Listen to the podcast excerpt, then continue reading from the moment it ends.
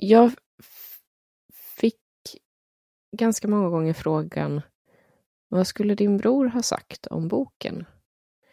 Och eh, för mig är det en helt befängd fråga. Han är ju död. Jag kan inte prata. Alltså, jag för inte hans talan. Jag har inget svar på den frågan.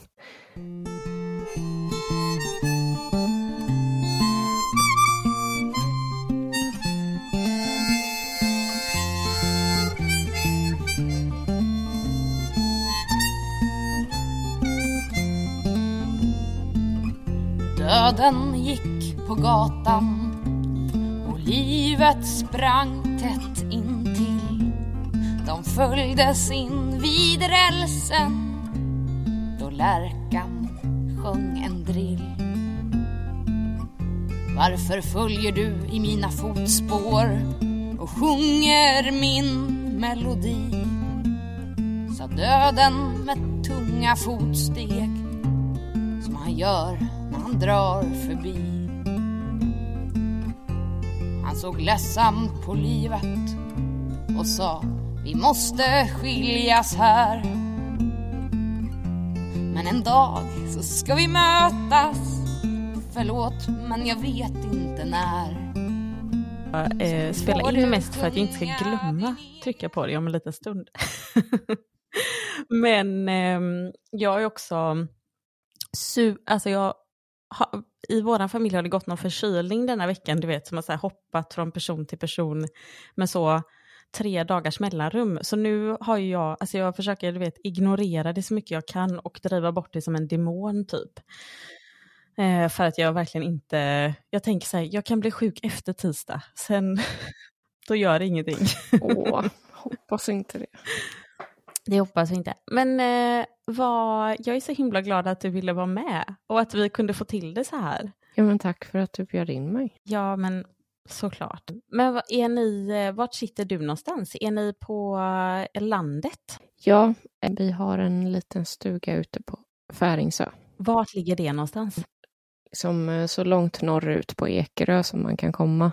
Ja, men Ekerö har jag lite koll på i alla fall, så då vet jag ungefär. Ja, vi, vi försökte bo här permanent, men det är en flaskhals trafikmässigt, så det sket sig. Men skönt att kunna åka och, och vara ibland. Men har du så, eh, när eh, både du och din man då, kan ni jobba hemifrån? Eh, jag jobbar på kontoret två dagar i veckan, så inte så mycket. Nej, ja men vad skönt. Jag, ska försöka, jag hoppas att jag inte behöver, alltså att jag inte kommer snörvla. Då försöker jag dra ner min mikrofon för jag tänker att det är helt olidligt att lyssna på. Mm, men eh, jag vet, jag skrev ju till dig att eh, jag inte ska sitta och lovorda dig i två timmar för att det är ju det mest obekväma som finns när folk gör det. Tycker jag i alla fall. Ganska härligt ilandsproblem.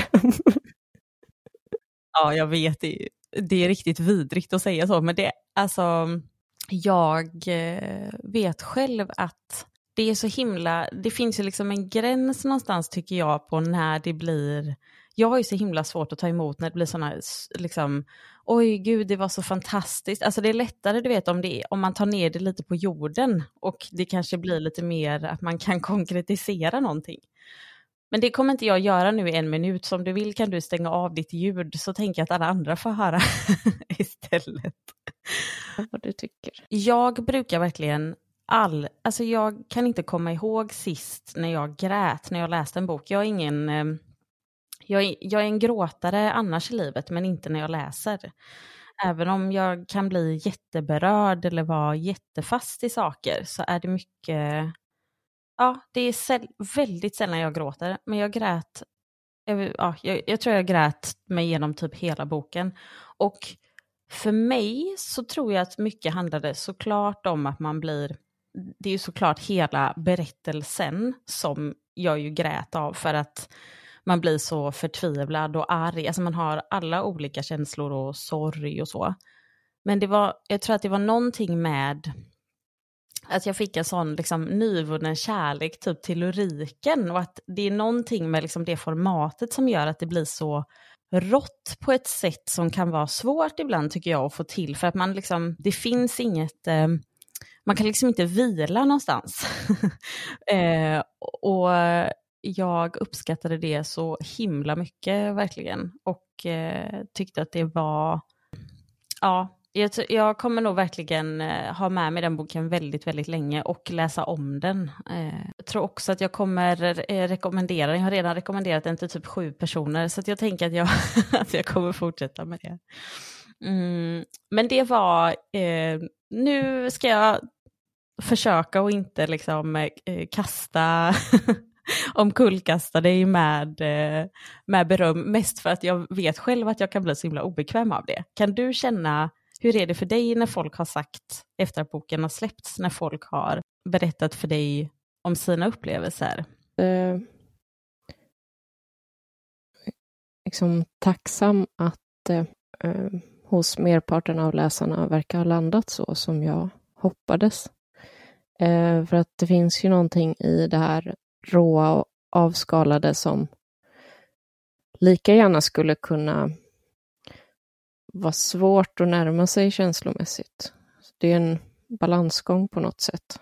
Eh, men eh, just det som du beskriver där med att inte kunna värja sig och att det... Det var någon som sa att den höll andan genom hela boken. Det är ju någonstans ehm, ett forum som har skapats för mig lite retroaktivt där jag får ingjuta den skräck som jag själv kände dygnet runt i en annan människa. Och eh, det kanske låter sadistiskt, men eh, det är väldigt tillfredsställande för mig, för att när man sörjer och är i den känslan så, och möter andra människor så finns det ju ofta en vägg mellan oss i det mötet. För att jag försöker ta hänsyn till att det inte ska vara för jobbigt för den andra personen och den försöker eh, undvika att säga saker som skulle vara jobbiga för mig trots att det är jobbigt hela tiden. Eh, och i boken så får det vara det. Eh, och jag behöver inte vara delaktig i att du känner så.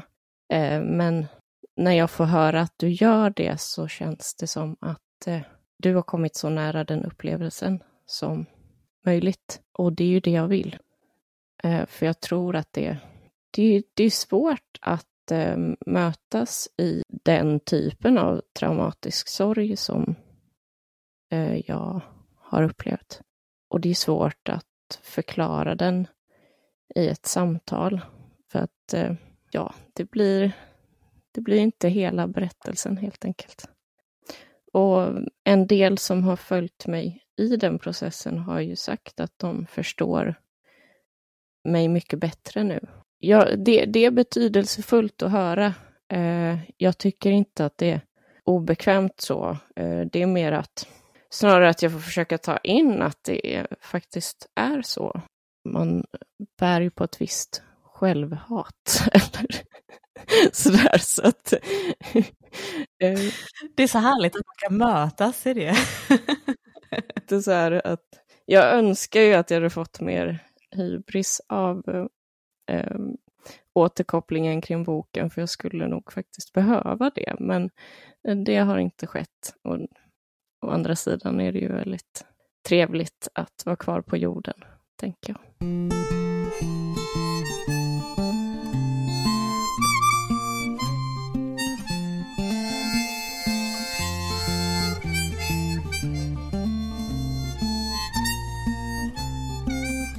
Gud vad jag kan relatera till det här att man, eh, att eh, man skulle önska att man kunde känna åtminstone en liten dos. och inte, men Alltså, jag eh, förstår verkligen vad du menar såklart med att så här, nu kanske jag, det kändes som att jag sa ordet obekväm tio gånger innan du hann börja och, och berätta om din upplevelse. Men, det, men det, jag, jag tror att du satte ord på det väldigt bra, det här att det kan vara svårt att ta in. Att det är... Ehm, men förhoppningsvis, jag vet inte hur det har varit för dig nu när det har gått ett tag, för din bok, släpptes den i mars? Eller i februari? 17 februari. Ja. Eh, och eh, nu, min, och min släpptes ju i början av april och nu tycker jag att jag, har, att jag kan ta in lite på ett annat sätt. För att i början så hade jag sådana overklighetskänslor. Och att det också var väldigt svårt. Jag vet till exempel att eh, folk omkring mig, det påminde mig lite om när, eh, när jag hade fått barn.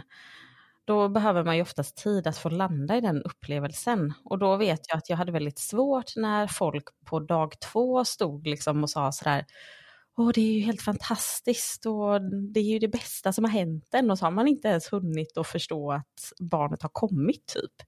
För mig så påminner det lite om den känslan just eh, med omgivningen och att man att jag hade väldigt svårt att förhålla mig till det för att på något plan så vet man ju att man eh, att det är antagligen bara att känslorna inte är i kapp och att man kommer känna det där. Men att det också kan vara svårt ibland när det blir ett glapp när någon säger åt en, nu måste du vara så glad, eller nu måste det kännas så bra. Och så känner man lite att man, eller jag i alla fall, när boken hade släppts så ville jag lite typ krypa under en sten ett tag innan, jag, innan det hade kommit ikapp. Och det kan man ju inte göra, för det funkar ju inte. Då ska man ju ut och prata om det liksom. Men hur har det varit för dig? För jag är jättenyfiken i och med att vi båda ändå har debuterat ungefär samtidigt hur eh, den upplevelsen var för dig, vad du hade för tankar, förväntningar innan och hur det har, om det har motsvarat det eller hur annorlunda det har varit.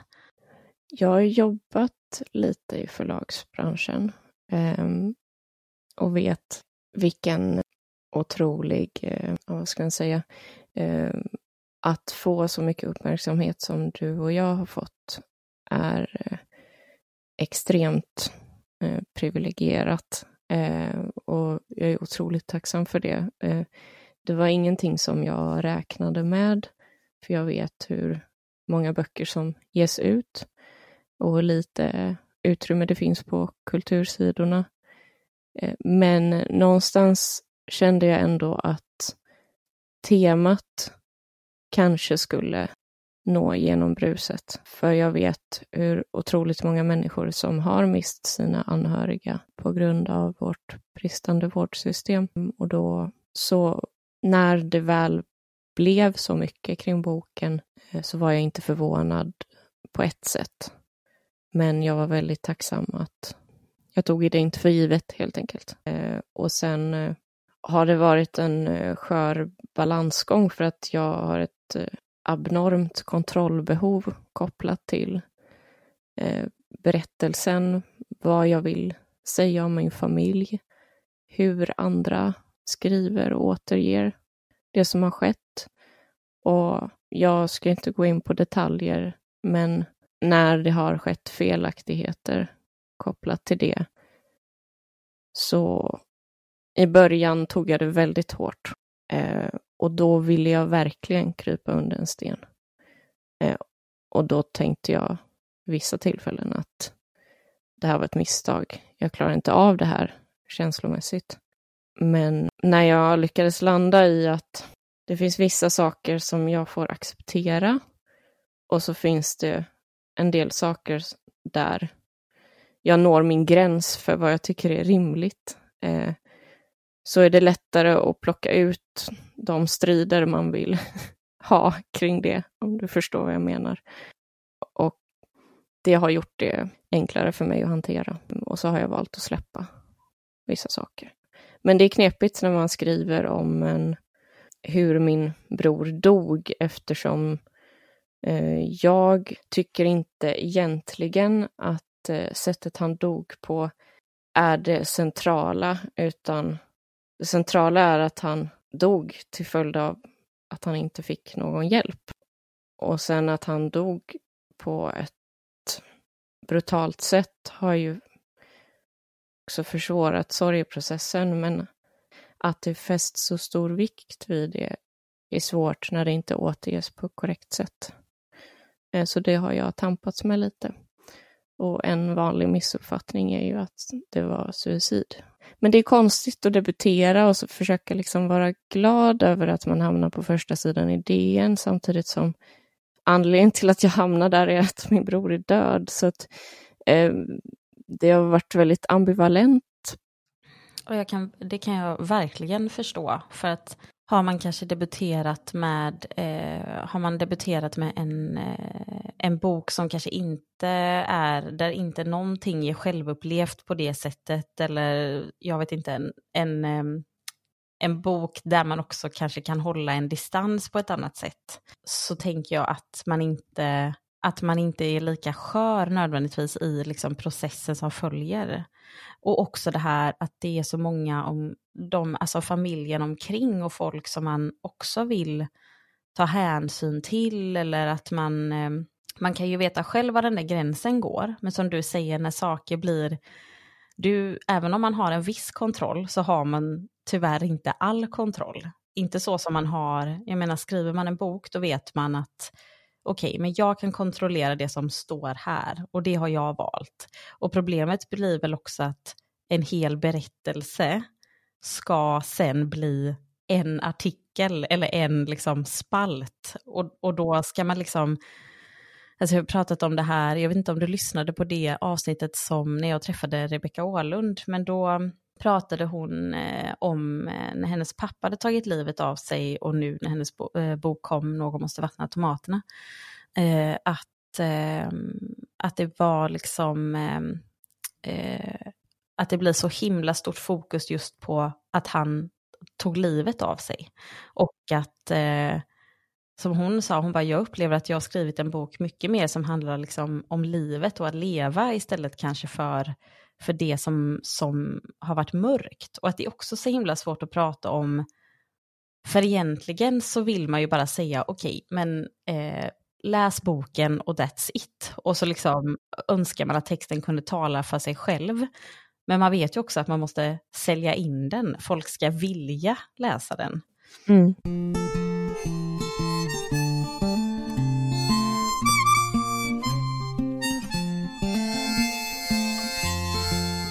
Under tiden som du skrev boken och nu när den har släppts, har du haft, hur har det varit när, eh, med familj och så?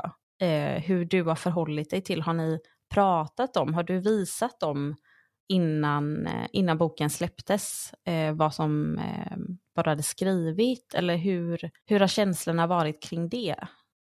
Min mamma har ju stöttat mig genom hela den processen och det finns ju många partier i boken som jag inte skulle ha kunnat skriva om jag inte fick dem återberättade för mig. Eh, så det har varit avgörande för mig att eh, hon har godkänt det. Men eh, det är ju svårt. Det är svårt att eh, veta hur man ska förhålla sig till... Eh, alltså, jag tänker att jag skrev om min brors liv för att det finns så otroligt många människor som är på väg att dö på samma sätt som han. Och då rättfärdigar jag att skriva om honom för att de ska ha en chans. Jag skulle inte ha gjort det för min egen skull som någon form av terapi, eh, för då skulle jag inte ha publicerat boken, utan haft det mer för mig själv. Um, så det där har jag reflekterat mycket kring under processen. Och sen finns det ju alltid de som man av olika skäl inte kan prata med om texten, eh, som min pappa. Men eh, ja, jag väljer att lämna det där. ja, gud, alltså det är väl också det här att man, att för en själv dra den där gränsen, okej okay, men jag, den här personen eller de här personerna, det är viktigt för mig att veta att så här, den här, det här kan komma ut i världen och det kommer inte innebä, innebära en, liksom, eh, en helt eh, en kollaps i en relation. Om den relationen är viktig för en. Och det är någon som, jag tänker särskilt för som med din mamma eftersom det är ju din bror var hennes son liksom. Att det är så mycket som, men det där tycker jag är jättesvårt liksom. Vad är, jag tror att det är väldigt bra att så mycket som det går vara på det klara med varför man vill eh, skriva, alltså ge ut någonting. Varför?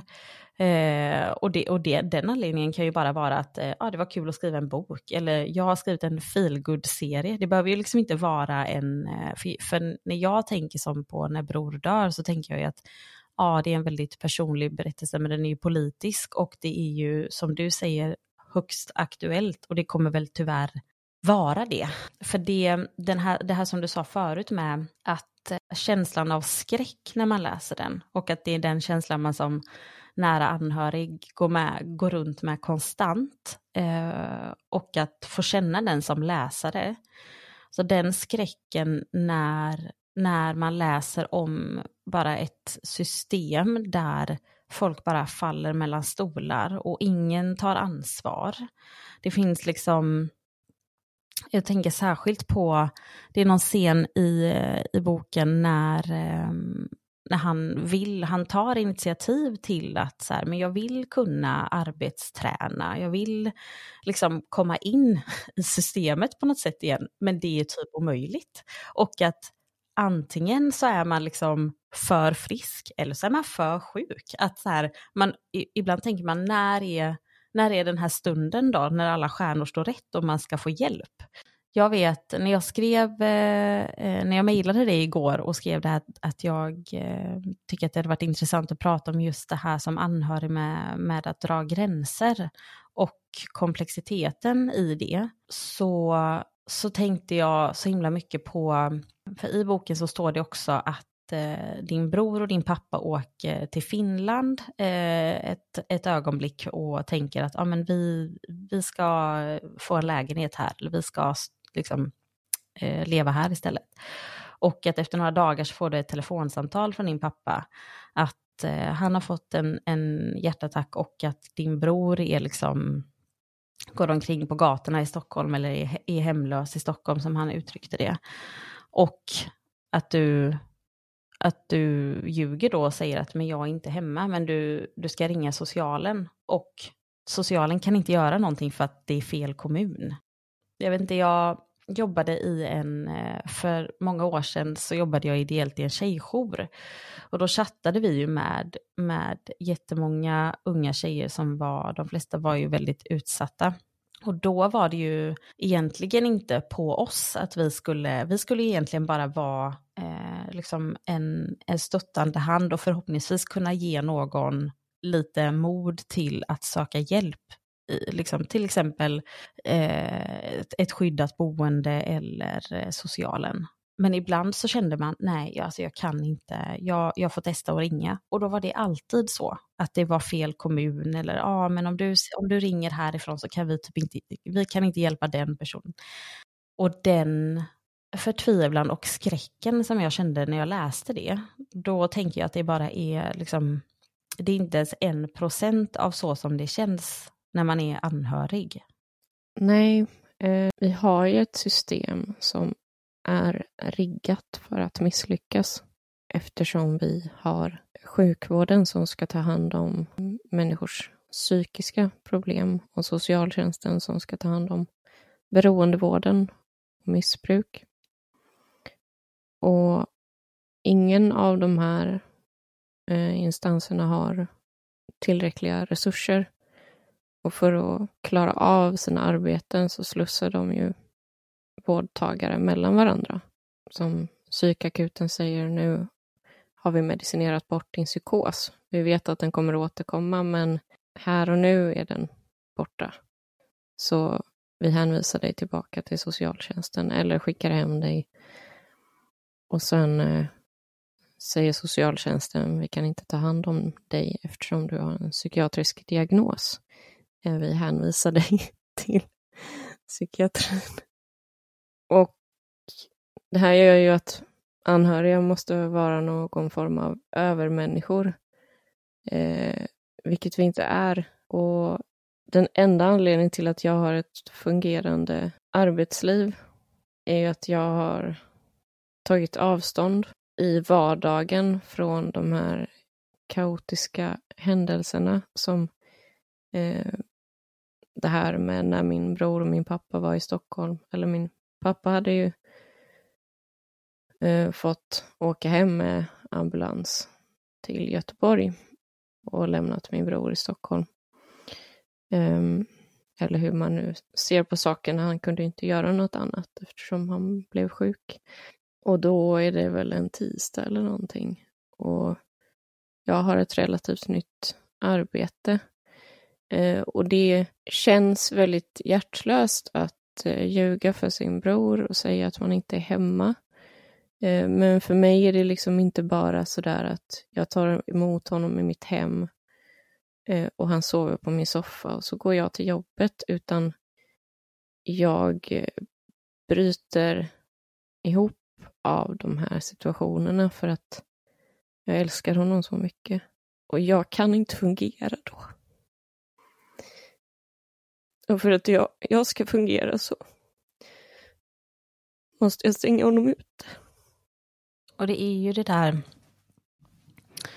som jag tänker kan vara så, så svårt med att försöka, och som, för jag upplevde verkligen att det, jag såg det och kände det i boken, den där känslan av förtvivlan att man kan också, man fattar ett beslut av liksom nästan på ren överlevnad. Vad ska man, och samtidigt så, så går hjärtat sönder av det också. Det är ju liksom inget enkelt beslut, såklart. Hur eh, jag än skulle ha gjort skulle någon ha förlorat. Och då tänkte jag väl alltid att om han var frisk så skulle han ha velat att jag var det till priset av att vi hade ett visst avstånd mellan varandra. Eh, istället för att jag skulle hamna i samma situation som min bror och min pappa och hänga i en förortslägenhet med ett flak öl. Liksom. Går man tillräckligt djupt in i det så tror jag att det gör för ont att vara frisk själv. Det är någonting som vården måste förstå att eh, du kan inte vårda någon du älskar för det äter upp dig inifrån. Det är en extern instans som kan göra det. Och det krävs eh, någonstans kärlek även i den relationen. Det krävs tillit. Du kan inte bara medicinera en människa eller bara ha samtal med den för att den ska bli frisk. Det måste finnas någon form av mänsklig kontakt där. Men den får varken vara för djup eller för ytlig. Eller det känns som att man måste såklart i den relationen våga se en annan människa som lider och inte stänga av. För det, man kan ju, eh, eller om, om jag ska försöka föreställa mig hur, eh, hur det skulle vara att arbeta med väldigt utsatta människor. Jag jag slutade ju i eh, att, att arbeta ideellt i den jouren för jag klarade det inte känslomässigt. Och den här liksom balansgången mellan att, att vara, att man kan inte stänga av för då kan man inte heller hjälpa människor.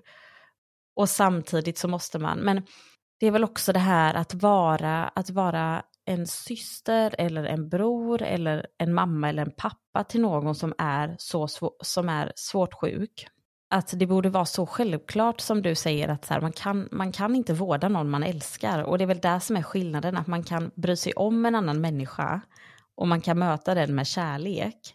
Men jag menar det är ju samma sak, jag tycker det, sätt, det synsättet har vi ju ändå, upplever jag ibland när man pratar om, eh, om att vara liksom medberoende eller att eh, just det här när någon säger, men gå och prata, gå och prata med eh, en psykolog. För eh, det, det, är bra att, att prata med någon som inte, det är ju därför väl man erbjuder par att gå i, i terapi, för att de ska ha liksom en, någon utomstående som är neutral på ett sätt. Och det är ju det där som man, jag gissar att man slits mellan så otroligt mycket, för det är ju samtidigt klart att man, det enda man vill med någon man älskar är ju att kunna hjälpa och att, att veta någonstans att man kan inte det, hur mycket man än försöker. Ja, det är en vidrig tillvaro. Um, och det som det här med vården handlar ju också om kontinuitet och vi har ju ingen kontinuitet. Eh, vi har tio KBT-samtal via vårdcentralen och de svårast sjuka i Sverige, de behöver ju någonting som vi i dagsläget inte erbjuder överhuvudtaget. Det, jag förstår inte varför det inte betraktas som någonting mer akut. Vi, nu har vi ju samsjuklighetsutredningen som är ute på remiss. Men vi har haft många statliga utredningar sedan psykiatrireformen på 90-talet med åtgärdsförslag och eh, där man har belyst bristerna upprepade gånger. Eh, vi kommer inte kunna lösa någonting med fler resurser när eh, vi har som brist på kompetens och kvalitet. För är det inte så också att eh, det var någon reform som gör att det enda man blir erbjuden är väl KBT. Det finns väl inte ens om, om man går till, eh, ja nu kan man ju inte ens gå till vårdcentral längre, om man, om man försöker boka en tid på internet och kanske får en tid, eh, så, så är det väl bara KBT som finns, tror jag, som man kan bli erbjuden om man inte betalar själv. Är lite osäker på hur det funkar. Jag har ändå blivit hänvisad till eh, psykoterapeut via vårdcentralen, men det är också ganska fruktlöst för då får du tio samtal så jag förstår inte riktigt. Psykoterapi går ju ut på kontinuitet och långvarighet. Liksom. Så det är skrattretande att man då... Vad ska man göra på tio gånger ska man komma fram till att allt är din mammas fel. Liksom. Sen, eh, Ja, precis. Och sen när du har kommit fram till det, då, ja, då var tyvärr de tio gångerna slut. Så då kan vi inte hjälpa dig med... Eh.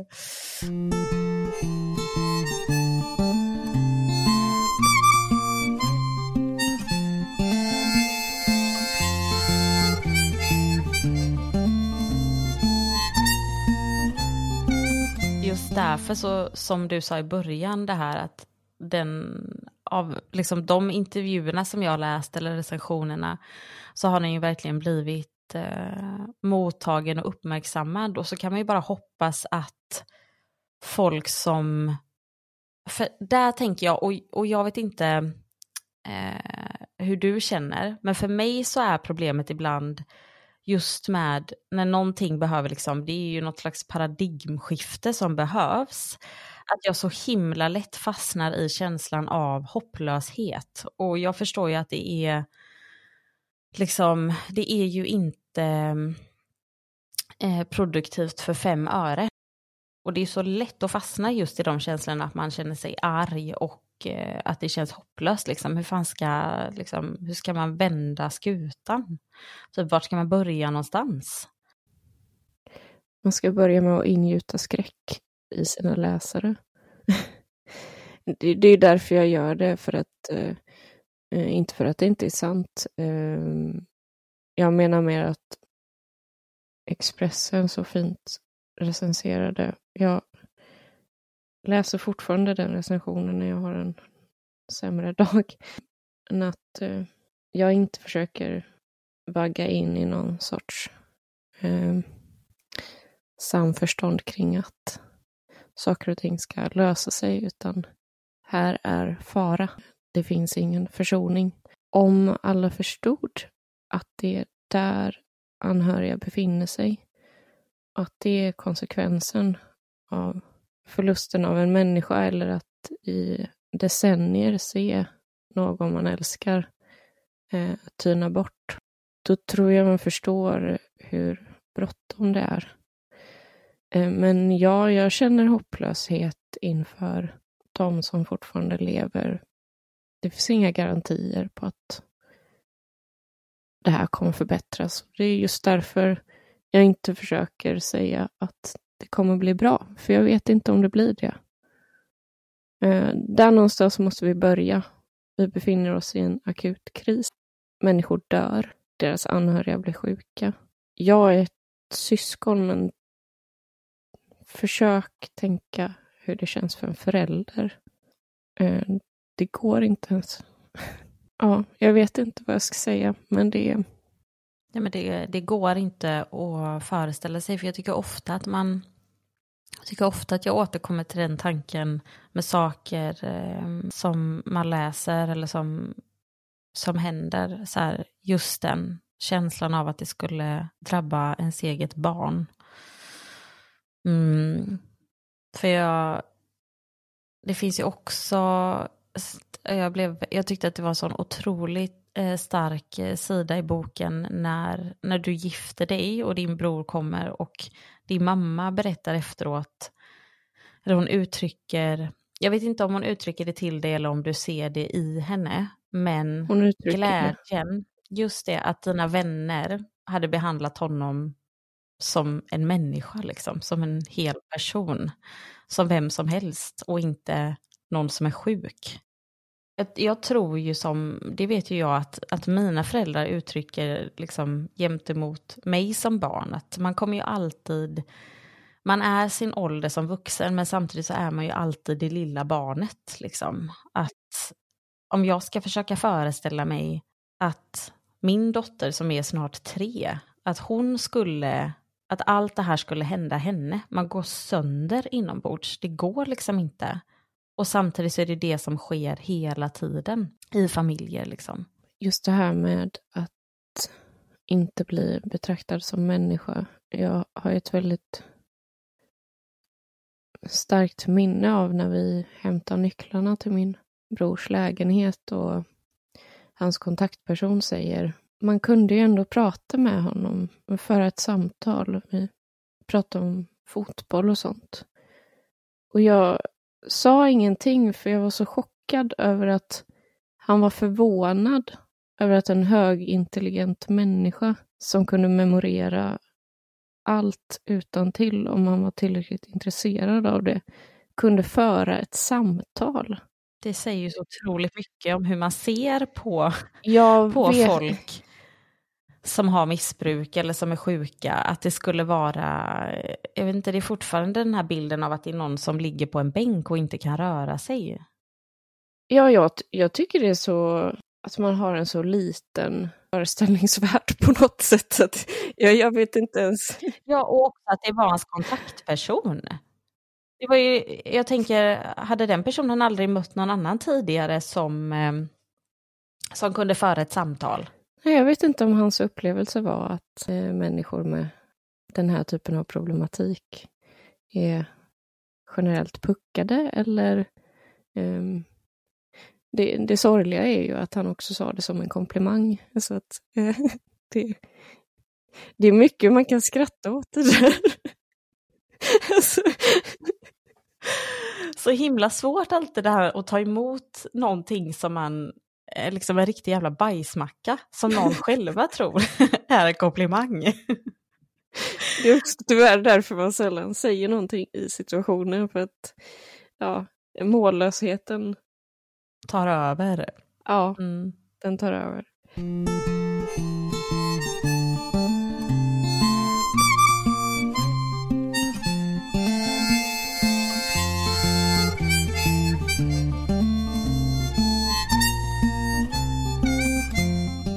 Jag måste säga att du, jag brukar inte vara så här eh, öppen i ett samtal. Jag känner att jag inte har något... Eh, jag stänger alltid av känslomässigt när jag pratar offentligt för att skydda mig själv. Nu har jag gråtit och härjat. Um, så det måste ju vara ett... Säger man? Du är väldigt bra på det här. I alla fall. Ja, tack. Jag, jag hoppas du lurade jag mig. Hoppas, jag hoppas att, att det är bra på det sättet, att du känner att det är liksom på det genuina sättet, inte att jag har en agenda hur jag ska...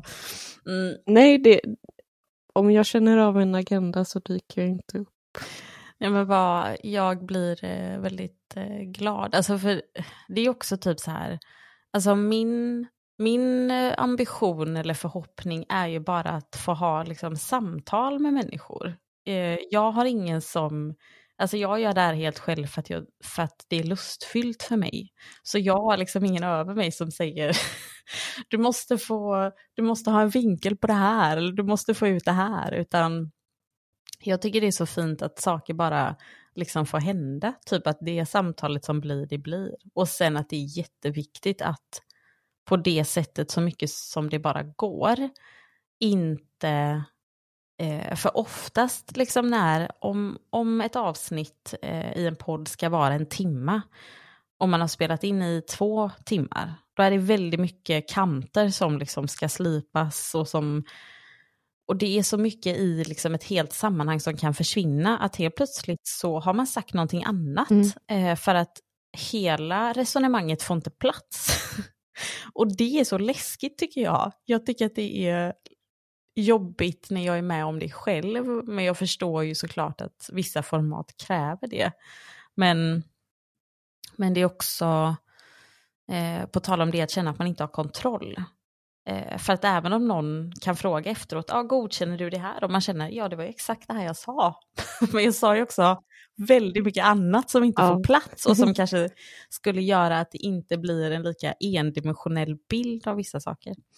Verkligen, men jag tror att eh, människor eh, mår väldigt dåligt av att det finns så få eh, plattformar där man faktiskt får landa. Eh, allt ska ske så fort och du ska dra en massa slutsatser av någonting som blir återgivet på fem minuter. Jag vet inte riktigt vad det ger oss som människor egentligen. Så det är fint att ha den här typen av samtal och mötas.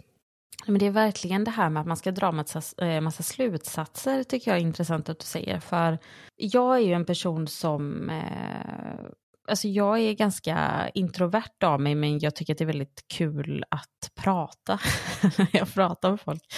Eh, men jag lägger också, det kan vara ganska svårt, typ om man har en, en dos av självhat och en, eh, en eh, känsla av att man ska komma med svar. För det har jag kunnat uppleva ibland.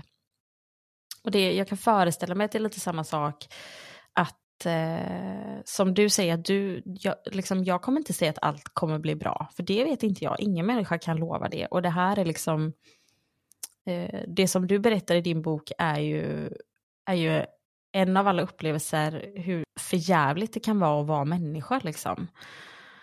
Och att sen då när man blir intervjuad, då ska man också vara Eh, jag har väldigt lätt för att hamna i det där, på tal om slutsatser, att eh, det är väldigt svårt att liksom få man, att blir man Får man en fråga så kan man liksom inte lämna med ett öppet svar, utan då ska man ha ett svar på allt. Och ingen människa har ju ett svar på allt. Jag kan känna mycket att att jag har skrivit den här boken är ju för att jag, jag vet inte.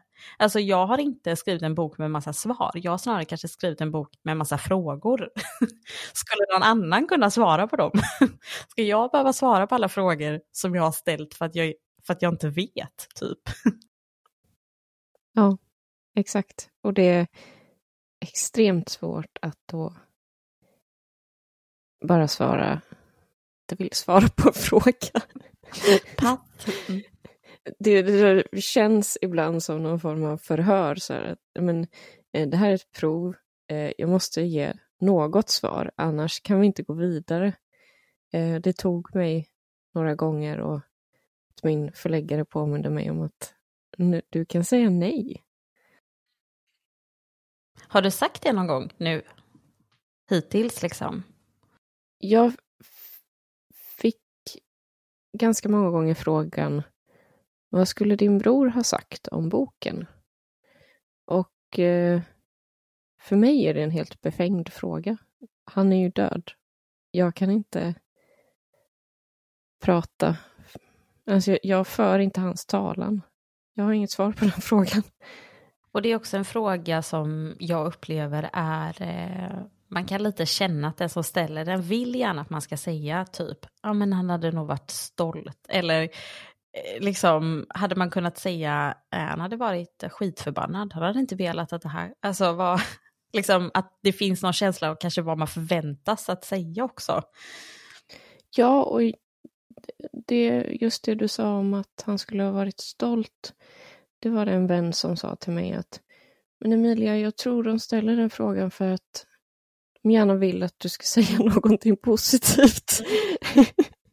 men här är den lilla liksom, glimten av hopp eller försoning eller någonting. Ja, Miska skulle ha älskat att jag skrev en bok om honom. Det finns inte på kartan att jag skulle säga. Så, att... så kan de avsluta intervjun med det så kan folk andas ut när de har läst allt det hemska så kan de andas ut att han hade åtminstone varit stolt. Jag har inte tillräckligt eh, stark överlevnadsinstinkt för att tillfredsställa människor på det sättet. Eh, det här är min enda chans att bara göra folk obekväma. Liksom. Eh, det ligger i temats natur. Men ja, jag blir så inspirerad av det, för jag kan ju dra, dras lite med att eh, jag eh, krampaktigt eh, mår så dåligt av att känna att folk inte blir tillfredsställda. Men, eh, men samtidigt så nu, jag gjorde en intervju för några veckor sedan och då har det ju liksom, hela sommaren har ju gått och, utan att jag har haft, eh, gjort någon intervju. Och det var väldigt roligt att, att eh, göra den och få frågor, för jag kände att jag har hunnit landa lite mer också kanske. Att man, nu var ju du ehm, eh, liksom ändå haft lite mer koll på förlagsbranschen. Jag menar, jag har ju överhuvudtaget inte haft någon eh, liksom insider eh, information whatsoever. Eh, så att för mig då, att det har varit skönt att jag kan liksom lite kanske känna av mer nu, okej, okay, men eh, vilken typ av, även om jag tycker att jag är en människokännare, liksom helt okej okay annars, att så här, vad är det de är, är de ute efter någonting? Nosar de efter något? Och då försöker jag inte ge dem just det. eh, också för att, jag, inte, jag har tyckt att det har varit svårt i intervjuer att komma med lite olika typer av svar. Jag vill inte att folk säger, ah, nu är det den sjunde intervjun och hon säger exakt samma sak. Men jag kan ju ja, börja förstå exakt. verkligen när jag har sett eh, liksom eh, för oftast om jag har fastnat för någon film eller serie så är det så här, då kollar jag ju på typ alla intervjuer med någon viss skådis eller författare eller vad det nu är. Och efter typ tionde gången så kan man känna att ja, nu vet jag, nu kommer nog det här svaret, ja det svaret kom. Och så känner jag, fan jag får nog lite så, eh, vad, säger, alltså, vad säger man ens på svenska? Jag kan inte säga ge dem en rast, give them a break. Men att jag har blivit så frustrerad, för nu börjar jag också förstå att det finns typ bara så många svar på vissa frågor. för jag kan inte börja ja. ljuga liksom. Nej, jag har också tampats med det där för att eh, eftersom jag ändå fick så pass många intervjuer så ville jag ju utnyttja det eh, utrymmet till att säga så många olika saker som möjligt. Det tror jag är viktigt eh, tills man börjar kanske hitta på saker. Det har ju varken du eller jag gjort, men att okej, okay, det finns vissa svar på den här frågan. Eh, men att man kanske har letat efter en annan vinkel eller försökt tillföra någonting mer. Eh, och det kräver ganska mycket av en själv också och är väldigt energikrävande. Så. Innan en intervju, har du lagt mycket press på dig själv då? Eller har du känt dig lugn i att jag vet liksom vad jag vill få sagt och det, det går som det går? Eller har du varit nervös? Jag är extremt nervös. Um, om jag får frågor i förväg så känns det bättre. Nu när jag har genomfört ett antal intervjuer och boksamtal så vet jag ju ungefär vilka frågor som kommer och ungefär vad jag brukar svara. Då är det lättare att acceptera om jag inte får frågor i förväg. Eh, men eh, de första gångerna så satt jag ju och förde hypotetiska intervjuer med mig själv. Vad kan tänkas komma? Vad skulle jag svara då? Det finns ju en anledning till att jag har skrivit en bok och inte att jag föreläser om det här och det är ju för att jag är en person som behöver ganska mycket tid på mig att eh, för det första överhuvudtaget komma underfund med vad jag själv känner. Och skrivandet för mig är, har varit mycket i den här processen också att testa, så här, men när jag var yngre så trodde jag att jag hade väldigt bra kontakt med mina känslor för att jag har mycket känslor. Jag har insett att det inte är samma sak. Eh, och då när jag skriver, om jag skriver ner någonting så kan jag säga nej, det var inte det här jag kände. Eh, och då kan jag ju skriva en scen om och om igen tills jag förstår mig själv också någonstans. Och då sätta sig i skarpt läge och bara ge svar på tal, det tycker jag är jättesvårt för att jag kan ju inte testa om det är det svaret som känns rätt i mig genom att spotta ur mig det. Eh, och jag tror att det är svårt för någon som har bra koll på sig själv och hur man ska prata, att, att förstå vadå, hur kan du inte veta det? Liksom. Eh, ibland kan man ju förväxla eh, skam med någonting annat eller liksom, ja, du kanske förstår vad jag menar. Så det har ju funnits lite mer tid för reflektion där efter några gånger att landa i, okej, okay, det här det här känns rätt i mig. Liksom vissa typer av intervjuer kräver ju väldigt kort, alltså då är det liksom ett kort svar. Och jag, jag är verkligen inte en person som kan komma med ett kort svar. Inte ens om jag vet vad jag tycker så kommer jag med ett kort svar. Utan då blir det en längre utläggning.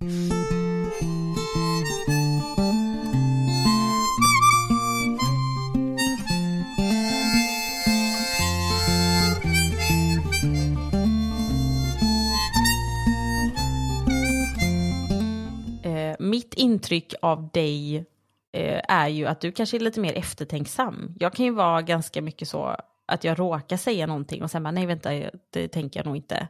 Och det kan ju finnas fördelar med det men det kan ju också vara jobbigt. Jag tror att ibland så gör jag det för att jag har svårt för tystnad eh, till exempel. Att jag inte vill göra andra obekväma, även om de inte skulle bli det. Jag önskar ju att jag bara kunde prata på ibland. Eh, men jag är så otroligt dålig på att fylla ut tystnaden. Det blir så forcerat när det kommer från mig. Jag bara, vad säger man nu då? Eh, ja, folk brukar prata om vädret och så när jag pratar om vädret så låter det ju extremt krystat.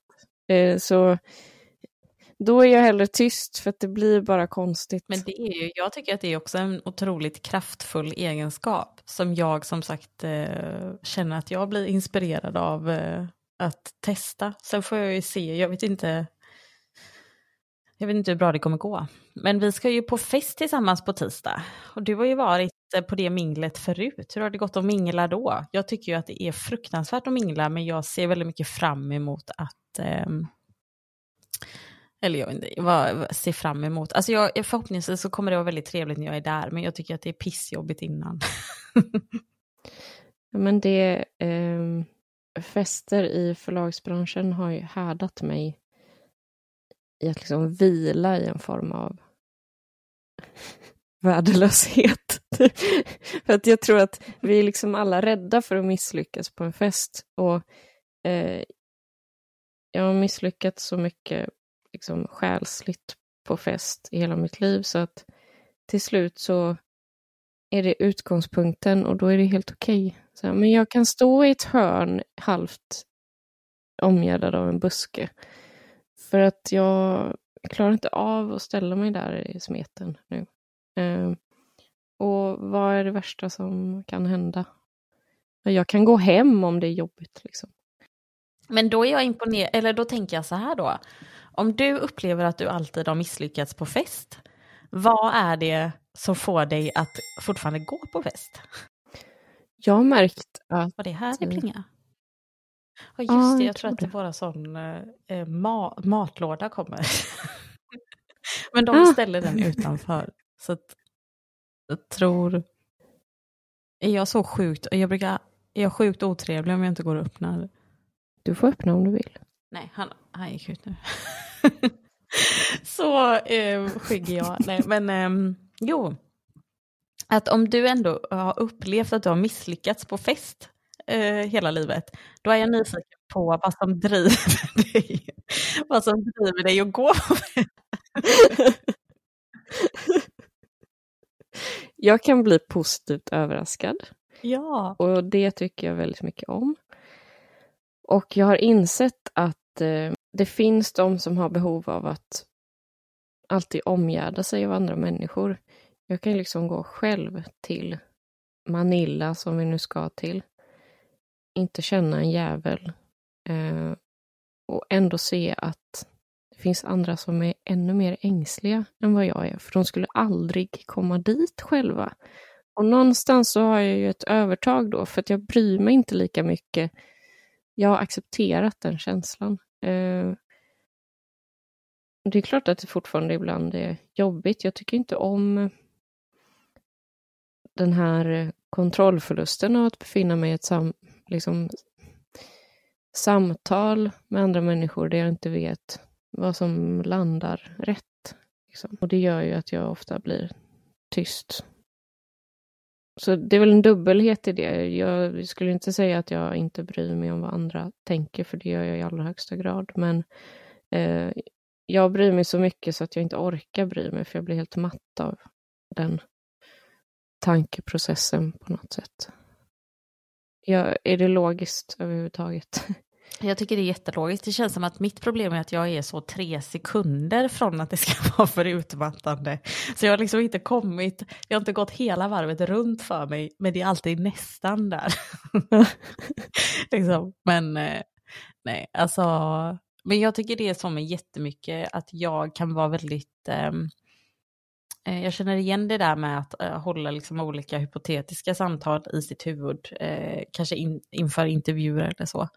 För jag tycker ofta jag gör det inför många sammanhang och det kan vara sammanhang som jag, eh, alltså det kan vara eh, när man sitter på ett möte på jobbet och jag ändå känner alla och man har ju oftast sina roller på en arbetsplats och man vet oftast, här är den som är liksom oftast tyst och här är den som inte är, alltså så. Eh, och att jag känner mig trygg med folk där. Men ändå kan jag innan sitta och tänka, jag undrar om den här frågan kommer upp på mötet, hur skulle jag svara på den? Alltså, det kan jag tycka är utmattande. Samtidigt så är jag nyfiken på hur folk lever som inte har det så. Är de liksom tom? De tänker inte på det förrän det väl händer då eller? Jag vet inte. Jag tror inte att alla bryr sig så mycket. Jag lägger ju mycket tid till att liksom stämma av eller känna in stämningen och sånt. Det kanske kommer från en dysfunktionell uppväxt eller något. eh. Det är väl den där radan liksom. Ja, men sen det här att eh, men varför går man på en fest överhuvudtaget om man är så överanalyserade som jag? Eh, jag tycker ju om att prata om djupa saker med människor. Och då får jag ju acceptera att många kommer tycka att det är för mycket. Då hittar jag ju mina guldkorn ganska ofta. Och det är ju det som betyder något för mig. Det finns ju ett värde i att vara sann mot sig själv, oavsett om det handlar om att man vill ha ett slätstruket samtal eller ett djupt samtal. Eh, och sen bara filtrera bort det som inte känns relevant för dig. För varför... Om du inte ska bli vän med någon eller ha någon form av kontakt med den personen, varför är det så jobbigt om den har en åsikt om dig? Du har ju en massa åsikter om andra människor också. Liksom. Det är väl inte hela världen. Mm. Men det är väl det här eh, hos många människor, eh, inklusive mig själv i omgångar, det här liksom eh, bekräftelsehoran som kickar in. men det är ju så jävla sjukt, för jag tycker ofta jag får påminna mig om det också, att men varför bryr jag mig egentligen? Alltså, om det här inte är en person som jag känner att jag klickar med, varför skulle jag vilja att den personen, det är ändå ingen som jag bryr mig om. Mm. Mm. Men eh, Ehm, jag ehm, tycker också så här att för mig så har hela den här processen med att från det att boken, ja innan boken kom ut också, men, men efter att den har kommit ut, att det har varit eh, jag har sett ett så himla stort värde i att jag har hamnat i situationer som jag eh, nog ofta är väldigt ängslig inför. Alltså typ att det ska vara nya sammanhang och det är med folk som man inte har träffat och det här som du sa förut, man vet inte vad det ska komma för frågor. Och det har gjort att jag inte, liksom, typ som nu när vi skulle sätta oss ner, alltså det här är ju första intervjun som jag gör, eller samtalet via länk. Och jag tycker att det är läskigt att göra saker via länk med folk man inte känner, för plötsligt så har man bara varsin ruta och man har liksom inte hunnit att känna på varandra innan. För det gör man ju det här med att känna av stämningen. Mm. Ses man och man ska liksom sätta sig ner och podda, då är det ju så mycket innan, typ att någon kanske så, men vill du ha lite kaffe? Alltså det är, man börjar inte bara.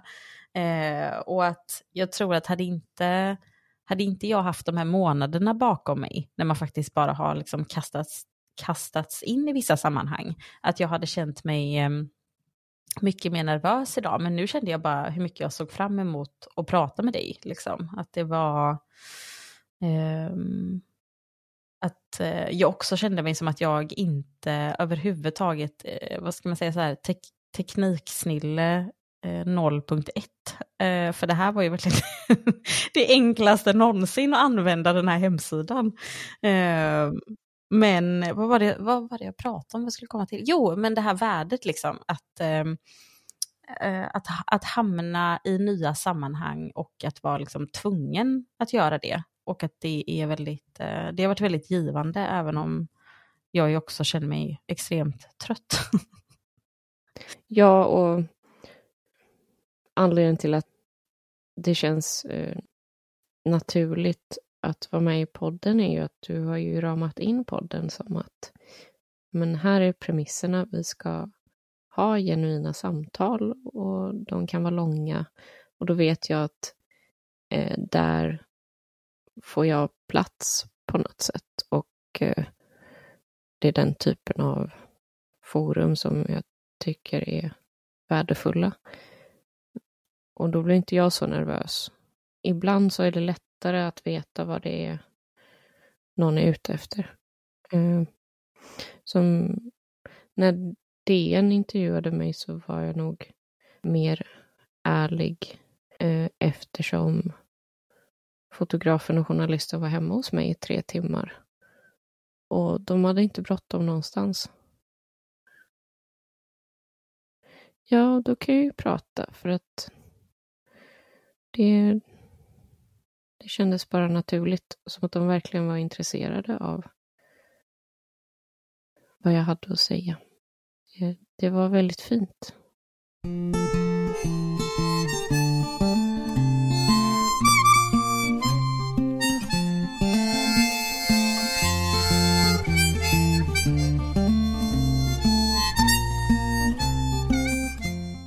Någonting som jag eh, som jag har tänkt på när jag läste boken.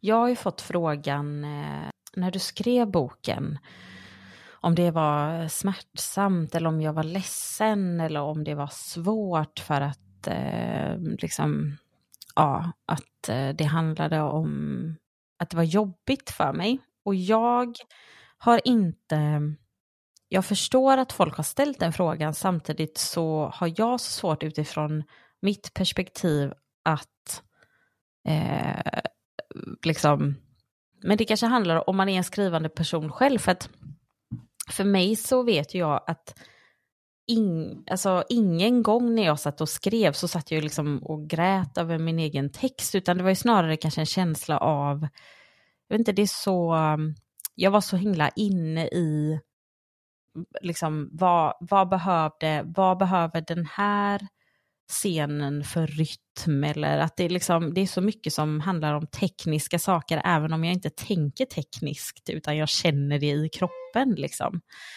Att, eh, att för mig så, så har det verkligen, var det verkligen inte jobbigt att, att skriva boken känslomässigt. Sen har jag liksom fått försöka sätta fingret på vart det, liksom vart är brännpunkten eller när känns någonting sant eller att jag kan känna i hjärtat. Men det är inte samma sak som att det har liksom, eh, tagit mig emot för att det har varit liksom känslomässigt smärtsamt. Men när jag läste din bok så nu kommer jag ställa den korkade frågan. För att där tänkte jag, är det någon bok jag någonsin har läst som skulle kunna vara smärtsam att skriva så kanske det är den här. Så jag måste ändå ställa frågan om det var svårt för dig att skriva den känslomässigt. Eh, jag har eh, skrivit vissa scener säkert 40 gånger om och gråtit de 30 första. Eh, så att så sätt är det ju klart att jag har varit terapeutiskt för mig. Men eh, det svåra har ju varit att min utgångspunkt hela tiden var att eh, jag skriver utifrån vad jag tänker att en läsare behöver veta och att jag måste åsidosätta min ilska eh, för att det ska bli en bra text. Eh, och det gör att jag har ju skalat bort väldigt mycket av mig själv för att jag tror att um, den texten skulle ha varit mycket mer banal och alldeles för uh, överflödig men uh, i skrivandet så har det ju funnits där uh, jättemycket. Jag skrev döden först uh, och jag skulle inte ha kunnat skriva de partierna nu för jag är inte där känslomässigt. Eh, och det upplevde jag ju så starkt då att det här är så traumatiskt så jag kanske förtränger det om jag inte hanterar det nu. Eh, jag tror dock inte att jag har den förmågan, men eh, jag har liksom ett tvångsmässigt behov att befinna mig i avgrunden om jag är där. Så skrivandet var för mig på något sätt så här, eh, känn det tills det neutraliseras på något vis. Eh, inte som att det, det blir aldrig neutralt, men de scenerna ger mig inte längre hjärtklappning just för att jag har varit i dem så mycket i skrivandet. Så ja, det, det var jättesvårt att skriva boken och det var svårt att få ihop den kronologiskt. Och eftersom jag var så nära boken själv så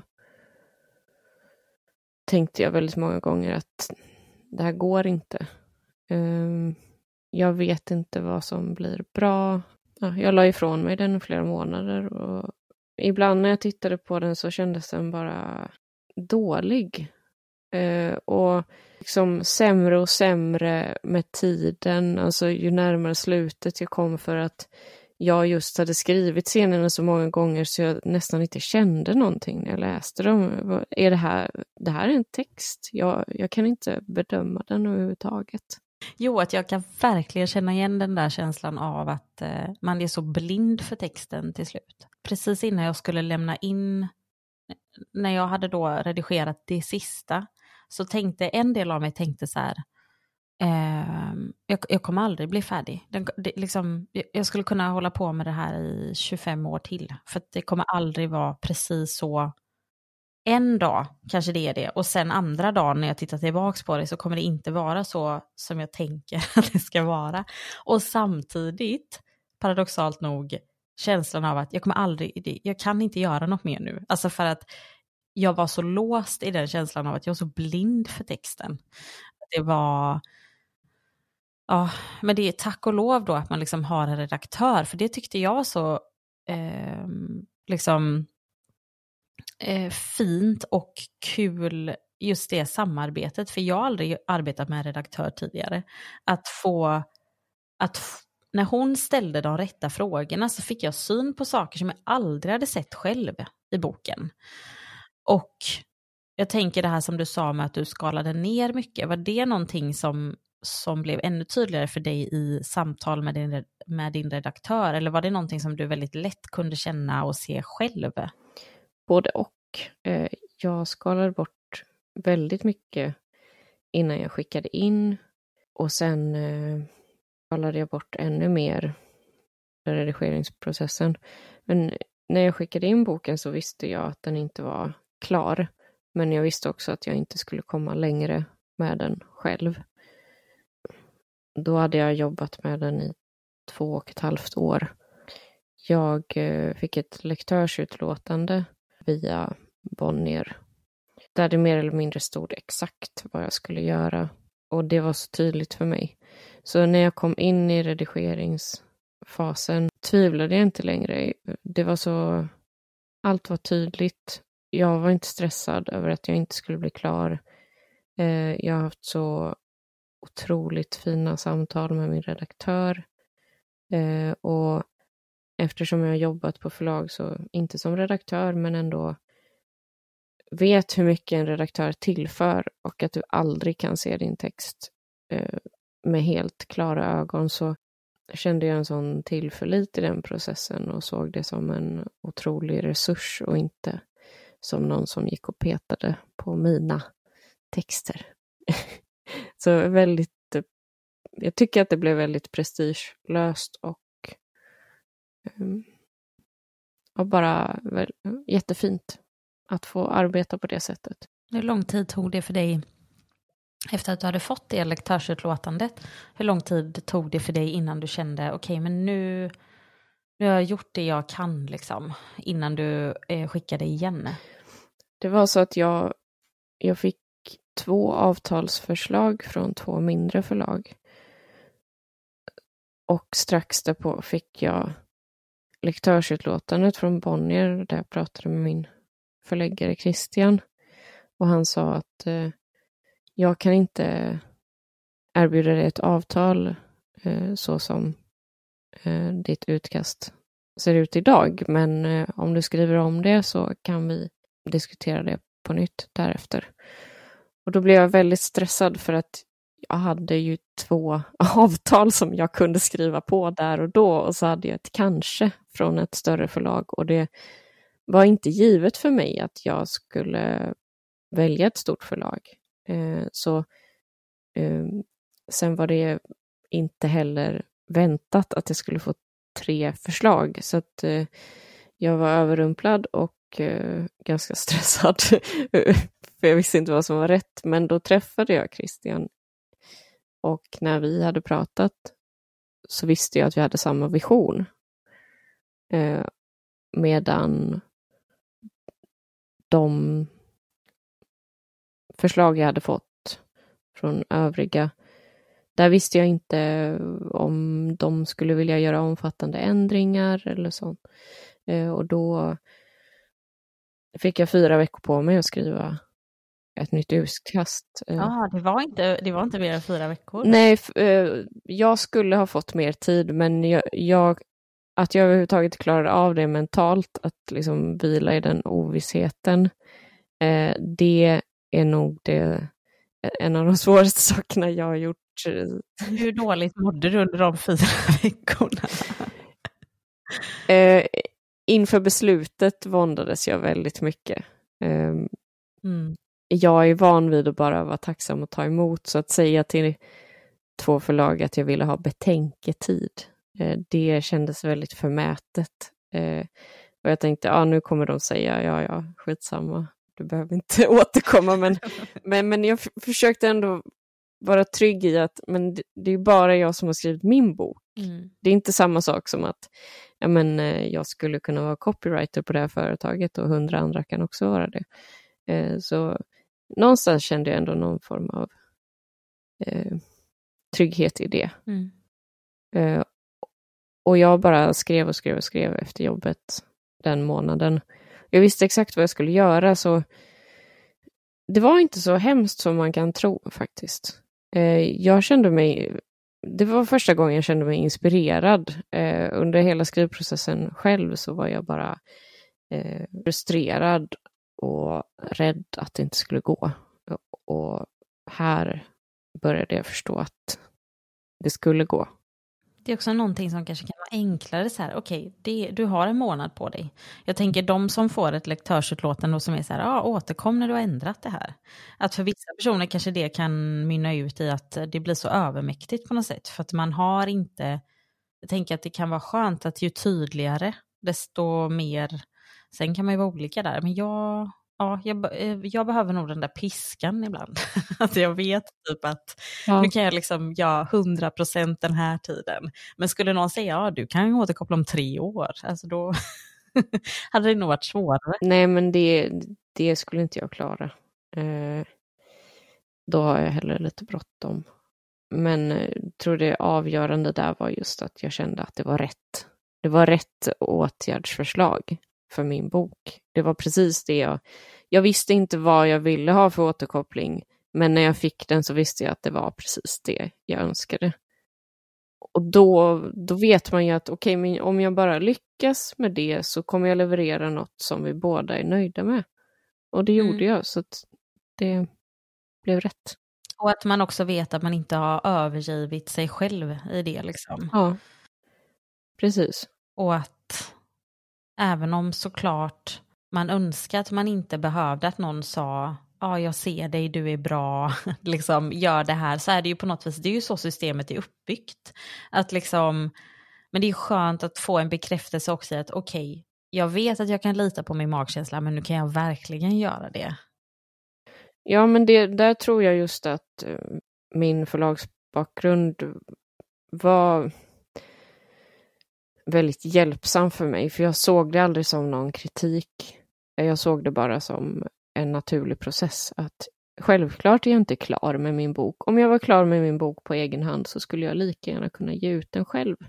Och då betraktar jag inte förlaget som en resurs. Eh, det gör jag verkligen. Ja, jag tror att ehm, många inte, att det är väldigt svårt att förstå hur mycket ett förlag tillför. Och i, alltså, både i form av ens förläggare men också ens, ens redaktör. För jag vet att folk sa ju till mig så här, ja men bestämmer de vad, vad som ska stå? Nej, det är ingen som bestämmer någonting. Alltså, eh, men exakt där att det känns som att liksom, eh, vad säger man, sum, vad säger man? summan blir större än dess delar. Liksom. Att jag har svårt att se... Eh, det, det är kul också för att när jag ser på min text som den var när jag skickade in det så kan jag tänka, men herregud, typ hur... Om jag ska jämföra med vad den är idag liksom, så är det väldigt... Men det är ju där deras e- expertis kommer in, att de kan se så här, okej, vad, vad, har, vad är potentialen liksom? Sen måste det ju såklart finnas någon, en grund att stå på.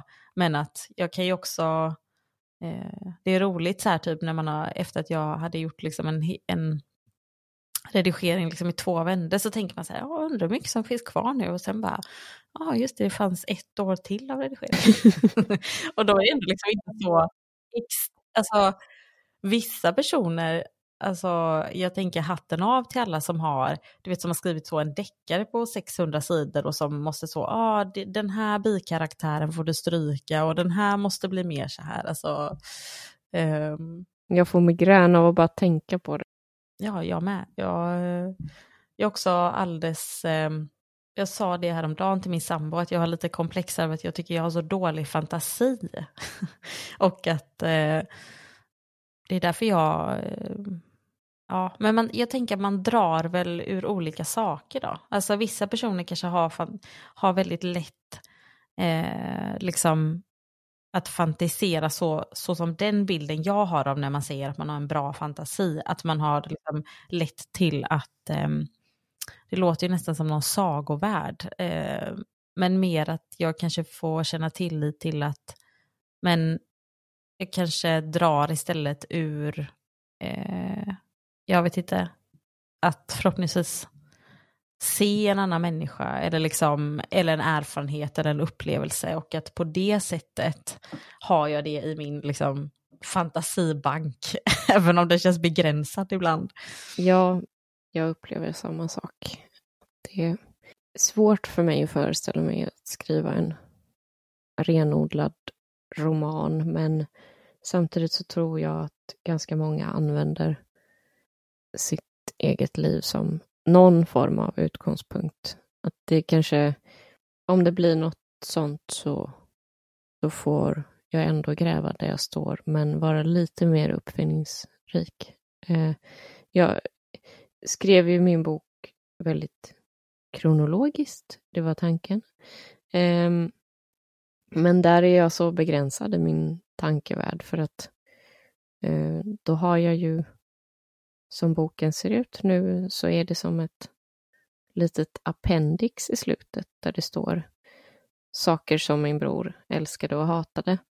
Och det är ju en lista som jag skrev i mitt begravningstal eh, som avslutning på det. Och den listan stod ju eh, i den ordning som var korrekt i boken, det vill säga efter begravningen. Och så kom redaktören och sa, men tänk om den skulle vara i slutet. Och jag, jag skulle aldrig ha kunnat komma på en så enkel men ändå briljant idé. Det känns väldigt mm. rätt när man läser boken. ja, men jag känner mig så dum. För jag så... Jaha. Hur fan har jag inte sett det här? men det är många sådana saker som bara har justerats lite grann. Eller typ, men om de här raderna är som... Eh, det finns två rader som står på en egen sida. Två dagar senare är han död. Eh, att de står där ensamma gör ju väldigt mycket med texten. Det var inte mitt förslag. Men det är ju så fint det här att man, att man får syn, för sen vissa förslag har det ju varit så att man har känt, nej men jag tycker, nej det här känns rätt att det ska vara så som det är nu. Mm. Men just de där där man bara känner, men hur fan, som du säger, det är en väldigt enkel åtgärd, men effekten blir liksom så mycket större. För jag skrattade så himla mycket åt att det stod att han hatade Savage Garden. För att det är såna, eh, det är så tydlig liksom, början av 2000-minne för mig när man var liksom när jag älskade Savage Garden. Eh, så det var kul att han hatade det. Vet du varför han hatade dem? Jag tyckte bara att det var skräp. Skräpmusik. Det var skit. Eh, där, ja. där är jag säker på vad han skulle säga om din åsikt. Vad skulle han säga om Nej. Nej men om vad du tyckte om Jag, jag får skylla på att jag var ju typ tio då eller något sånt. Eh, jo men mm. eh, vad tror du när en eh, liksom, musikfantast som jobbar i skivaffär och har memorerat hela butikens, eh, vad heter det, kataloglager och så har han en lilla syster som lyssnar på Dr. Bombay och Westlife. Eh, det, där var ju hopplösheten eh, ett faktum hos honom, men han, han lyckades. Men du kan ju inte heller ha varit så gammal när du lyssnade på Dr. Bombay. Nej, Nej men han gjorde klart för mig att eh, jag har köpt de här till dig. Men eh, du kan ju fan i att lyssna på den här musiken när jag är hemma. Det är liksom, ja. Men sån otroligt fin kärlekshandling. alltså... Ja men det var jättefint för att han hade väldigt starka åsikter om vissa saker men eh, kärleken var ändå alltid större. Som när han åkte till London och gick till Chelseas kvarter och köpte souvenirer till sin vän Rebecca. Det, han hatade Chelsea. Det säger mycket om honom. Jag tycker att det var väldigt mycket i, ehm, i boken som både var liksom en kärleksförklaring till honom men också en kärleksförklaring till dig och de i hans omgivning som exakt den där gesten. För jag tänker det känns som att det inte är många det finns väldigt mycket starka känslor kring fotboll och vad som är liksom okej okay eller inte okej, okay, typ av att ens få ta i någon merch som tillhör någon annan. Liksom. Nej, det, det var stort för Rebecka. Men kommer du ihåg eh, de, eh, liksom, den musiken som han då fick dig att börja lyssna på sen? Ja, eh, dels var det ju Broder Daniels Shoreline förstås. Eh, men eh, mitt tidigaste minne av att han spelade en låt för mig som verkligen väckte något nytt hos mig var ju eh, The Smiths, eh, den här... Ja, eh, det, det, är så här det blir när jag ska säga någonting. Eh, jag tänker bara på de, eh, liksom alla de stora låtarna, den And if a double decker bus. Precis den. ja, jag ska inte fortsätta sjunga, men vi vet båda vilken det är. Det är en fantastisk låt. Ja. som väl handlar om döden och livet.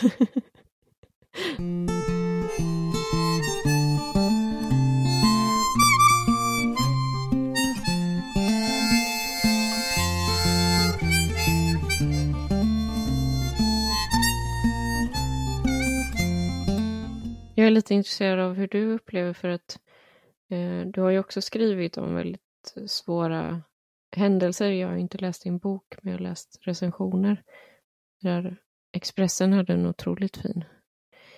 Eh, men eh, det blir ju också någonting märkligt i att han, ha hanterat en så avgörande del av ens liv eh, ändå för ett par år sedan och sen han, hamnar andra människor i den känslan nu. Och de... Eh, har du tänkt på det, att de liksom möter dig retroaktivt till det och att man nästan blir så här, men jag är, inte, jag är inte just där längre. Eh, du behöver inte bli stressad för min skull nu. du kunde ha varit det då, men... eh, nej, jag förstår precis frågan och jag tänkte jätte, jättemycket på det det pratade jag och Rebecka lite om också när vi pratade just det här med att, bli identif- alltså att ha en identitet liksom, och att det blir, kan bli en väldigt stark identitet som andra har på en. För någonting som, som hände när mm, till exempel eh, jag har aldrig varit nervös över att liksom, okända människor ska läsa. Jag har tyckt att det har varit jätteläskigt att folk som jag känner ska läsa. Och då har jag, och som är mina föräldrar, och, och jag menar de är jättesöta och mina största fans, så att jag var inte nervös över att de liksom, jag visste att de skulle, de har inget ont eh, att säga eller tycka eller känna, men då sa, jag kommer inte ihåg, det var nog min pappa som sa efteråt att han, för jag menar allting blir så komprimerat i en bok och min bok utspelar sig ju under liksom några år, det är väl två år kanske, eller två och ett halvt. Och eh, jag kommer inte ihåg, men det är väl två, två ja. Eh, och att han, både han och mina systrar var så här, men gud, hände allt det här dig? För att i en bok så är det ju liksom så, min bok är ju drygt 300 sidor, så allting blir väldigt komprimerat och känslan av eh, liksom vidden blir ju en helt annan att ta in än vad det är när man lever med någonting under flera år. Liksom. Och eh, jag har tyckt att det har varit eh, jättesvårt ibland för ehm, det, är, det är någonting med att det som hände, jag menar det mesta som det mesta som står i min bok har ju liksom hänt. Sen har vissa saker hänt på ett lite annat sätt och andra saker har man ju Alltså vissa saker har man ju liksom tagit i med för att det rent dramaturgiskt har varit bra för texten och så. Men det är ju någonting med att jag har ju svårt att se, hade inte min dotter, eh, om inte hon hade fötts så hade jag nog haft väldigt svårt att klara av att ha skrivit den här boken och sen ta emot folks jag tror att det hade varit så obekvämt för mig. Nu är jag väl lite räddad över det faktum att folk kan tänka och känna att ja, men eh, hon gick igenom allt det där då, hon hade liksom alla de där missfallen och de där åren av sorg, men sen fick hon ju ett barn så nu är allting bra. Så nu, liksom, nu är det förbi och eh, det blir liksom ett tydligt avstånd i tiden på ett annat sätt. Jag tror att hade hon inte fötts så hade det fortfarande varit eh, såklart ett, eh, just den delen av livet hade inte haft ett lika tydligt avslut. Och jag tror att det hade gjort att det hade varit svårare för mig att prata om den idag och bli bemött av folk. Eh, det är klart att, att jag vill bli bemött med medmänsklighet och respekt, men jag hade haft, eh, tror jag, väldigt svårt för att eh, eh, det skulle kännas som att antingen att andra såg på mig som ett offer eller att andra tänkte att jag utmålade mig själv som ett offer. Att det är, jag kan tänka mig att mitt då inom citationstecken lyckliga slut, även om boken inte slutar lyckligt så i mitt eget liv så hade jag turen att få ett barn. Och det gör att det inte blir lika Eh, det här medlidandet blir inte lika kletigt som det kan bli. Som jag kan tänka mig då att det kan bli för dig ibland. Ja, jag vet inte om det är lika mycket, eh, eller vad som är en rädsla för att folk ska tycka synd om mig och vad som faktiskt är ett subtilt liksom, uppsnappande av det. Dels så vill jag inte att folk ska tycka synd om mig. Eh, och det är inte hjälpsamt för mig överhuvudtaget. Jag försöker ju, jag vill ju vara professionell i mitt arbete och att samtidigt vara så offentlig kring mitt livs största trauma är ju en ganska skör balansgång och jag har ingen lust att blanda in, alltså blanda de två sakerna. Eh. Och jag har heller inget behov av att någon trösta mig för att de har läst min bok eller så. Eh, inte för att det har hänt på det sättet, men, men jag tror kanske att man gärna tänker att, att jag har skrivit boken av terapeutiska skäl och då ska liksom själva publiceringen på något vis hjälpa mig, men jag har inte skrivit boken för att eh, liksom bli omfamnad i offentligheten. Jag har skrivit den för att skapa opinion och jag hanterar mina personliga trauman privat. Bara för att jag är så öppen med vad som har hänt så betyder det inte att jag är bekväm med det. Eh, som vi pratade lite om tidigare, eh, när man är så utlämnande så det är väldigt viktigt att veta varför man är det och vilket syfte det fyller också att skriva om andra människor. Eh, som Jag har inte skrivit om min pappa på ett hämndlystet sätt. Jag har skrivit om honom för att det var nödvändigt. Eh, och Det är jätteviktigt att ha med sig de sakerna. Eh, och också inte gå in i det här kletiga själv. Eh, kanske jag var lite mer intim idag, men det var också den typen av samtal. Eh, och eh, jag märker att eftersom jag har stängt av under hela våren så tror jag att jag, jag kanske slappnar av lite mer nu när det har gått en tid och inte har samma försvarsmekanismer kring det. Eh, för jag vet vad som är bekvämt för mig att prata om och inte. Men jag tycker du säger något jätteviktigt med att man kan eh, välja att vara öppen om något, men det behöver inte betyda att man för den saken skulle bekväm med det. För ibland så, jag vet inte om jag, eh, jag tror inte jag har sagt detta i något annat samtal, annars får jag väl klippa bort det då, så jag inte upprepar mig, men, men ibland så brukar jag liksom tänka på eh, liksom saker som man väljer att vara öppen med, att jag lite ser det, du vet som ett Eh, den här liksom vanliga bilden eh, av ett isberg. Och att vissa saker som, som är liksom på toppen av mitt isberg som jag inte kanske har något eh, som jag väljer att prata om. Ibland kanske jag väljer det fastän det är obekvämt men det känns som att det tillför någonting eller är viktigt på något vis.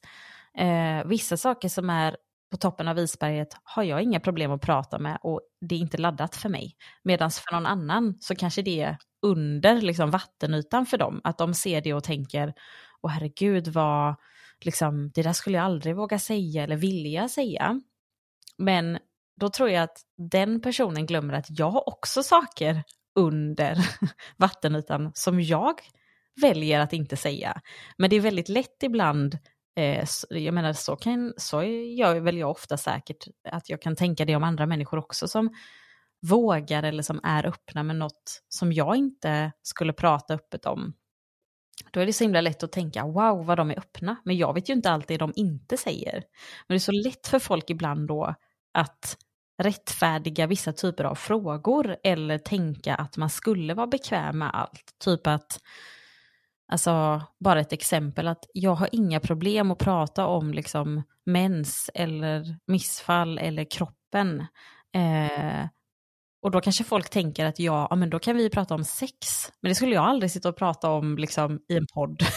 eh, nej men men det är för, för att de kanske tänker att det tillhör samma kategori, men det gör det inte för mig. Eh, och det kan vara så svårt att parera ibland tycker jag. Eh, men ja. Nej, exakt. Och det, det är också en stor skillnad att liksom eh, Ja, men dels så som du säger, vi har ju olika isberg eller så, att eh, jag kanske är tio gånger öppnare än vad någon annan med samma erfarenhet skulle vara. Men det betyder inte att för att jag pratar med dig om det här, att jag då vill ha en kram av dig. Eh, eller att jag kommer ringa dig ikväll när jag gråter över någonting. För att det, det är två helt olika saker för mig att liksom söka tröst hos en annan människa och att återge fakta för en annan människa. Eh, men jag tror att det lätt missuppfattas om man är en person som inte gör varken det ena eller det andra. Men ehm. jag tycker att det var så himla, jag tycker att den tanken just faktiskt kring att bara för att man har valt att dela med sig av vissa saker så innebär inte det att det är bekvämt. Eller den man är. Eller alltså jag eh, det känns som en, en så här, nu ska jag inte säga en vanlig missuppfattning för det är typ inga människor i Sverige som vet vem jag är. Så det är inte så att jag pratar om så här som att jag är typ Hanna Hellquist, det är så många som tror att jag bara är en clown. Nej men, men jag har, eh, eh, alltså jag är ju en ganska, till vardags är jag ju liksom en ganska eh, uppåt person, eller vad ska man ens säga? Jag tycker alltid det är svårt när man ska sätta så här epitet, vet, jag är glad, men alltså jag är inte, jag går inte runt, runt tyngd av sorg. så eh, och jag upplever inte, jag upplever också att det finns eh, liksom en del humor i min bok och att det inte bara är liksom nattsvart. Medan jag har förstått att vissa eh, kanske får en bild av mig som ju inte alls är min bok, för jag är inte min bok. um, och samtidigt så förstår jag så här, det kan ju också låta orättvist, för hur ska de veta? Men, men som oss alla så är jag så mycket mer än bara den delen. Um, och du är ju så mycket mer än att din bror har dött. Ja, så är det ju självklart. Men det kan vara svårt att liksom möta de delarna när man ska svara på frågor, typ som i en intervju, för att det är klart att utgångspunkten är att vi ska prata om din bok. Och då blir det den här specifika erfarenheten eller de här olika eh, delarna liksom. Eh, och så ska man, ja, alltså jag tycker att det är, jag gissar att man kommer typ se tillbaka om ett antal år och, och ha så här, ja, mm, det är tur att man lär, lär sig med åren typ. Ja, verkligen. Och det, men det är som du säger, det är också, min bok innehöll ganska många eh, undermåliga ordvitsar och jag skämtar ju väldigt mycket om döden för att Alltså det märker jag med folk som inte har varit med om så svåra saker, de tycker ofta att det är känsligare att prata om svåra saker på ett eh, nästan respektlöst sätt. Medan eh, det för mig är en överlevnad och skulle jag inte ha humorn så skulle jag inte vara här idag. Liksom. Eh, men, eh, men det är också sånt som skalas bort för att det passar inte formatet. Liksom. Det var Nej. ju no, något parti där jag skrev att eh, min brors, eller det var någonting om lik. Jag blir nyfiken på vad det var, men antingen, du kanske inte kommer ihåg eller så känner du att du inte... ja, men det, det, det, står så här, som gick det att likställa min brors död. Haha, lik. alltså, det, är, det, är inte, det blir liksom inte bättre än så. Um, men det är inte något som framkommer att jag har någon humor överhuvudtaget. Och det behöver inte framkomma för det är en bok om döden, men eh, det har ju funnits där eh, och avslöjat mig i ett tidigare skede av skrivprocessen. Eh, men det kan väl också vara svårt att eh, kanske just den här nattsvarta humorn, att eh, veta när det är lämpligt att ta fram den. Även i en intervjusituation så kan man ju framstå som helt känslokall om man säger att ja, men, jag var rädd att min mamma skulle dö så jag sa till henne att jag, jag kommer fan inte orka det så jag kommer beställa exakt samma order från begravningsfirman i sådana fall. Mm. Eh, det, det är så vi pratar. Och det tycker vi är kul. Olika format för att eh, säger man det så här, då får man ju med liksom en ton och en, liksom, då hör man ju oftast den där twisten medan om det bara skulle återges i text liksom, och så är det en sån allvarlig byline-bild. ja, okay. mm. ja, och lyssnar man på hela det här samtalet så har man kanske snappat upp hur nedbruten jag är eh, av det som har hänt. Eh. Jag ser många som skrattar sig igenom hälften av det här samtalet. Och Men vet du Emilia, jag, jag tror, nu är klockan fem i ett. Ja, det är galet. Det kanske är dags att runda av och så kan, kan du skala bort um, eventuella pinsamheter. Det känns så himla fint typ att man har hunnit så här få ett lite ansikte på varandra eh, eftersom vi aldrig har träffats och så ses vi nu i veckan. Så länge jag kan skrämma iväg den här förkylningen men jag tänker inte låta den eh, ta taget om mig. Nej men det får du inte låta. Eh, nu när jag äntligen vet någon som jag kan gå fram till på festen. Ja. Eh, och följa efter som en eh, svans. Ja men snälla gör det. Du kan vara, jag kan vara din svans hela kvällen, du kan vara min svans. Take me out tonight Where there's music and there's people and the young and the light Driving in your car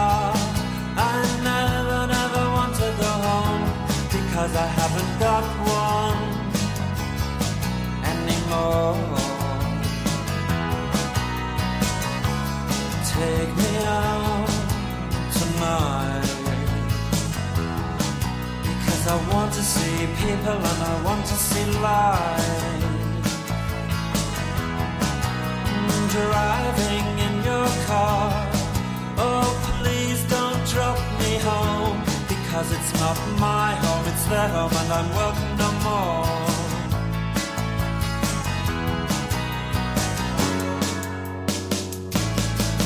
live a double decker bar.